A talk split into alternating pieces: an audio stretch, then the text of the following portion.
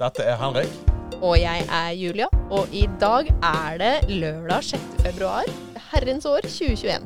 Lykke babyen. Ja, gratulerer med dagen. Det er samenes nasjonaldag. Henrik, du fortalte jo meg en historie forrige uke som gjorde sterkt inntrykk på meg. Kan ikke du dele den med lytterne? Absolutt. Um, jeg ble en gang kjent med Marte gjennom fagforeningen. da. Uh, Marte var da 17 år den gangen. Hadde akkurat fått seg sin første sommerjobb på et lager da i Bergen, og så utrolig fram til det. Men det var, hadde seg sånn da at uh, hun fikk ingen arbeidskontrakt. Dette var en muntlig avtale med sjefen. Pga. at det hadde vært god stemning under intervjuet. Virket det ikke som at noe var galt. Og da så heller ikke Marte problemet med at uh, hun fikk beskjed om at det var ikke lønn under opplæring. da. Så hun møtte opp på sin første opplæringsdag. Kom dødsgodt overens med kollegaene. Det var kjempegod stemning. Sjefen var så morsom. De hadde det så fantastisk. Hun trodde at dette skulle bli den beste sommerjobben hun mest sannsynlig kom til å ha i løpet av livet sitt, selv om det bare var den første. Men så, etter opplæringen da var over, så av en eller annen grunn så ble hun kalt inn på sjefens kontor. da. Og så fikk hun beskjed om at uh, sorry, Mac, men det var ikke jobb til deg allikevel. Og uh, hun måtte bare gå, da. Og det som var så sugent, var jo det at dette var jo en muntlig avtale. Så hun hadde ingen fysisk bevis på at hun hadde vært ansatt der. Det var ingen kontrakt som lå i bordet. Og det gjorde jo at uh, hun ikke kunne gå og heve lønn for den opplæringen som hun egentlig har krav på lønn under, da. Ja, ja, ja. Man skal jo få lønn for de dagene man er på jobb. Ja, og det, så dette var, altså Marte var 17 år, det var hennes første jobb. Var ikke klar over alle regler og spilleregler i arbeidslivet. sant? Mm. Og da endte hun opp med å rett og slett bli lurt. Fy søren. Ja, det er brutalt, syns jeg. Og det er så mange ting som er feil her, ikke sant. Det er første møte med arbeidslivet, eh, og så er det en så dårlig start. Ja, og det jeg husker som Marte sa til meg, da, var det at på skolen så hadde hun lært at det norske arbeidslivet er som regel et veldig ryddig arbeidsliv. Man har sterk tillit til hverandre, og det er liksom, det er bra forhold. da. Og når hun da blir møtt med den realiteten at det treffer hun midt i ansiktet, da, ja, det setter fortsatt preg på henne, sier hun da. Ikke sant. Og det er jo Altså, hun var rett og slett litt naiv Ja, rett i og slett. møte med sin første jobb. Ja, ja. Og det er jo to ting jeg reagerer på her. Eh, fordi det første er jo at Marte, hun skal jo ha skriftlig arbeidskontrakt. Fordi eh, når man jobber i Norge, uavhengig av hvor eh, mye du skal jobbe, eller hvor lenge du skal jobbe, så skal du ha skriftlig arbeidskontrakt. Og når man skal jobbe eh, midlertidig, da, i, i over en sånn kort tidsperiode, sånn som Marte skulle gjøre, hun skulle bare jobbe den sommeren, mm. så skal arbeidskontrakten være klar første arbeidsdag. Og det var han jo ikke. Det var han jo ikke. Og, og det er liksom det, det finnes ingen unntak, da. Det er ikke greit. Nei, og det er jo utrolig provoserende, da. Det er lovverket. Ja. Og den andre tingen, da, det er jo lønn under opplæring. Ja! For det skal man jo også ha. Eh, uavhengig av om du har begynt nylig i jobben, eller om du har fått nye arbeidsoppgaver som du skal lære i jobben din. Når du er under opplæring, så er du på jobb.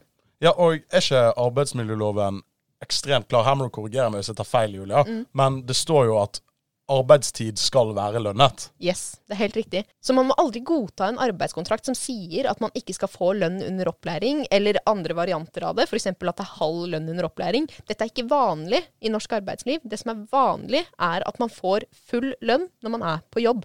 Og der synes jeg egentlig, Julia, at du oppsummerte moralen veldig greit. Dessverre så kjenner jo vi flere historier om unge arbeidstakere som blir lurt i sitt første møte med arbeidslivet. Ja, du har jo vært med noen år du òg, Julia, så jeg tipper jo at du har noen ganske kjipe historier, du også. Ja, vi har jo gått sommerpatrulje, f.eks. Og sommerpatruljen er jo rett og slett eh, en patrulje som går rundt og spør folk, unge folk da, hvordan de har det på jobb om sommeren. Ja, kartlegger litt, egentlig. Ja, Spør liksom hvordan står det til, har du fått arbeidskontrakt, får du lønn, osv. Og, og jeg husker spesielt godt en ung jente jeg snakka med under sommerpatruljen. Eh, hun jobba eh, i en butikk. Denne butikken er eh, heldigvis stengt i dag. Eh, der hadde hun fått beskjed om at vi har én ledig stilling i denne butikken. Vi ansetter to personer som skal da i en måned konkurrere om å få denne ene jobben. Det er så sykt, det. Det er helt sinnssykt konkurrerende opplæring. Altså, det er jo arbeidslivets The Hunger Games. ja, det kan du si. Men fra spøk til alvor, da. Det er en eh, Altså, bare se for deg det. Du har søkt deg sommerjobb. Du får tilbud om å få den jobben, og så blir du møtt av eh, liksom Her er Henrik. Han er din konkurrent. Han er ikke din kollega, han er din konkurrent. Og så må du hver eneste dag gå på jobb og ikke bare yte ditt beste, sånn som man jo gjør i utgangspunktet, men du må prøve å liksom slå ut en annen person. Altså, dette er jo på en måte markedskreftene sitt mareritt. Ja, og bare sånn at det er sagt, det er ikke lov. Nei, det tror jeg er veldig Det er viktig å Ikke lov! Og det er altså eh, du skal, Det er lov å ansette folk midlertidig når det er et midlertidig behov. Det er lov å ansette folk som bare skal jobbe et sted om sommeren. Mm. Men det er ikke lov å si du får bare denne jobben hvis du er bedre enn dette andre mennesket. Det er faktisk helt vanvittig å tenke Ja. på. Det er ikke sånn det skal være, altså. Nei, det er helt håpløst. Som sagt, denne butikken er stengt i dag. Og det er jeg faktisk utrolig glad for. Nå har jeg gått sommerpatrulje hver sommer de siste syv årene. Og jeg har jobba med dette på fulltid i fem år. Og eh, jeg må bare få si det, at eh, det er for mange der ute som tar for lett på dette. Arbeidskontrakt. På arbeidskontrakt og, og på rettighetene sine. Og det er, eh, som du si, beskrev Marte også, hun hadde eh, en tillit til samfunnet, som jo er bra, men en naivitet i møte med arbeidslivet. Og vi er nødt til å eh, educate ourselves. Ja, på grunn av at det er jo ingen andre som kommer til å gjøre det. Det er ingen andre som kommer til å følge opp dine rettigheter hvis ikke du gjør det sjøl. Du er nødt til å eh, stille spørsmål. Du er nødt til å eh, stille krav. Du kan ikke bare la eh, arbeidslivet ditt seile sin egen sjø. Seile på sin egen sjø. Hva sier man? Seile sin egen sjø. Seile sin egen sjø. Ikke la arbeidslivet ditt Seile sin egen sjø. seile sin egen sjø.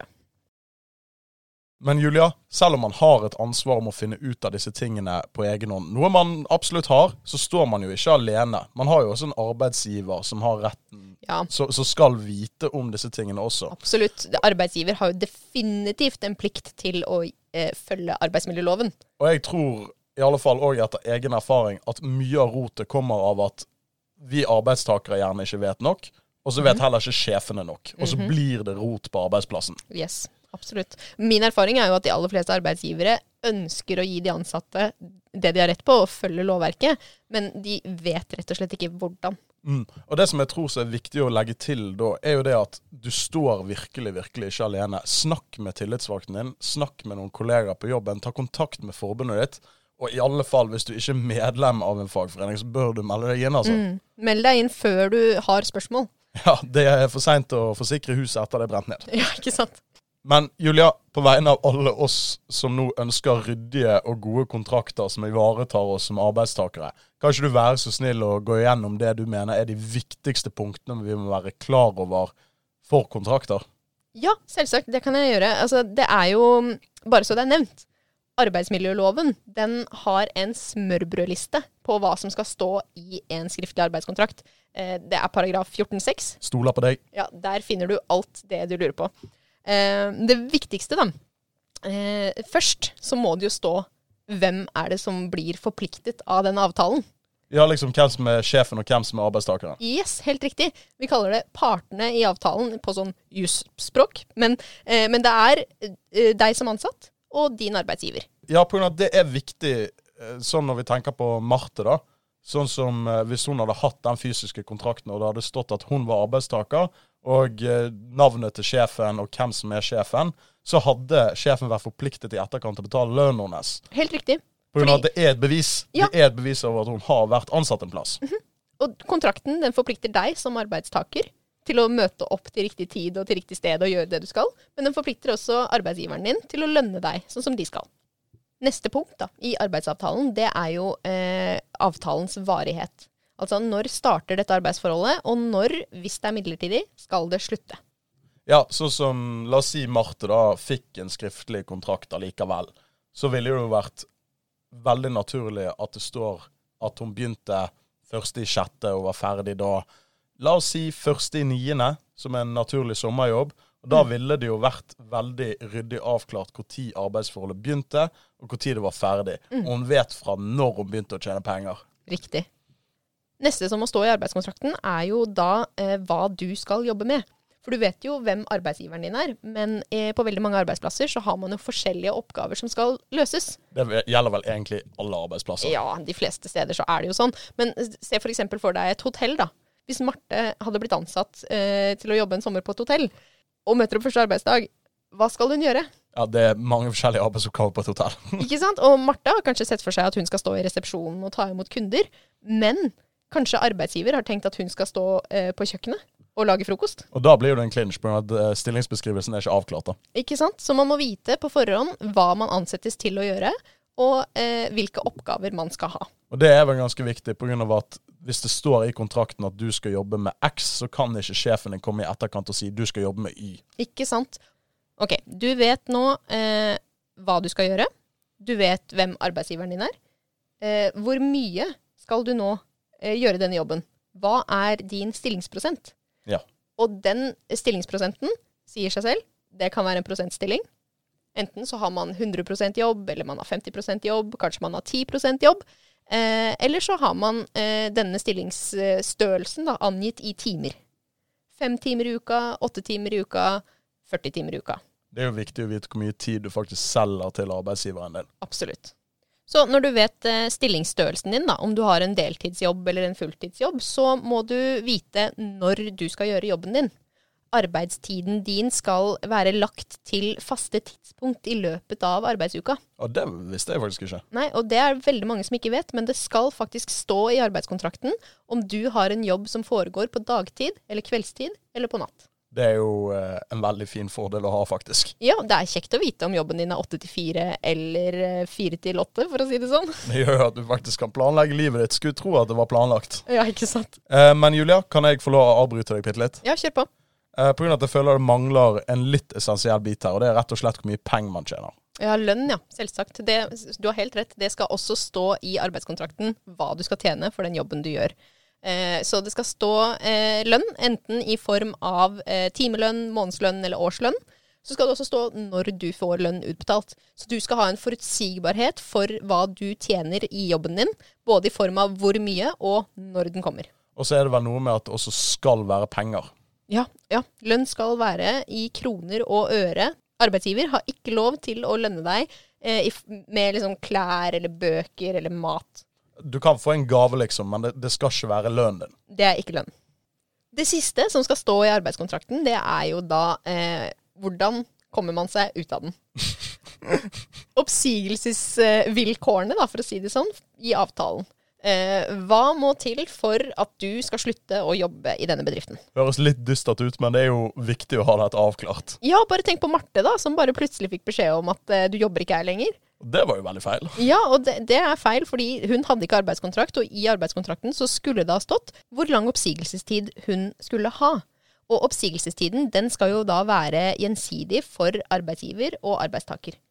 Ja, sånn at det er avklart mellom begge to. Ja, sånn at hvis arbeidsgiveren din har lyst til å si opp deg og ikke vil ha deg der lenger, så må de jo først ha en saklig grunn, da. Men, men så har man da i hvert fall en forutsigbarhet for at ok, da har jeg lønn i oppsigelsestiden min mens jeg leter etter nytt arbeid. Altså, Jeg vet ikke helt med deg, Julia, men jeg kommer på mange grunner for at jeg ikke vil ha meg. Men eh, det er jo en annen sak. ja, ikke sant? Men eh, la oss snu på det, da. Det er motsatt også. Sånn at eh, For arbeidsgiveren så er det jo også forutsigbarhet. Hvis du velger å si opp jobben din, da, så vet jo da arbeidsgiver at ok, men da har jeg arbeidskraft ut oppsigelsestiden til Henrik, mens jeg leter etter en ny ansatt. Ja, veldig bra.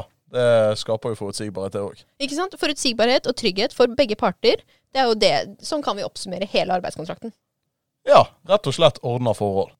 Men eh, Julia, før eh, vi takker for oss, kan ikke du bare komme med et siste tips dersom eh, vi som arbeidstakere har sjefer som konstant prøver å lage muntlige avtaler med oss? Ja, da har jeg to tips til deg. Det første er meld deg inn i en fagforening. Det andre er send en e-post. Eller send en SMS, eller på annet vis liksom skriftliggjør den avtalen du nettopp har gått med på muntlig. Send en e-post og skriv 'hei', viser til eh, samtalen vi nettopp hadde på telefonen eller ansikt til ansikt. Eh, jeg forsto det sånn at du har tilbudt meg en jobb som skal starte 1.8. Ja, på grunn av da dokumenterer du egentlig avtalen. Da har du dokumentert at du har oppfattet at dere har en avtale. Du er ingen dumming. Takk. Tusen takk for at du har hørt på oss i Pausepodden. Du kan eh, sende inn dine spørsmål eller historier til eh, pausepodden at gmail.com Eller du kan eh, kontakte oss på Facebook. ja, og Instagram. Og husk å abonnere på Pausepodden der hvor du hører på podkast. Takk for oss.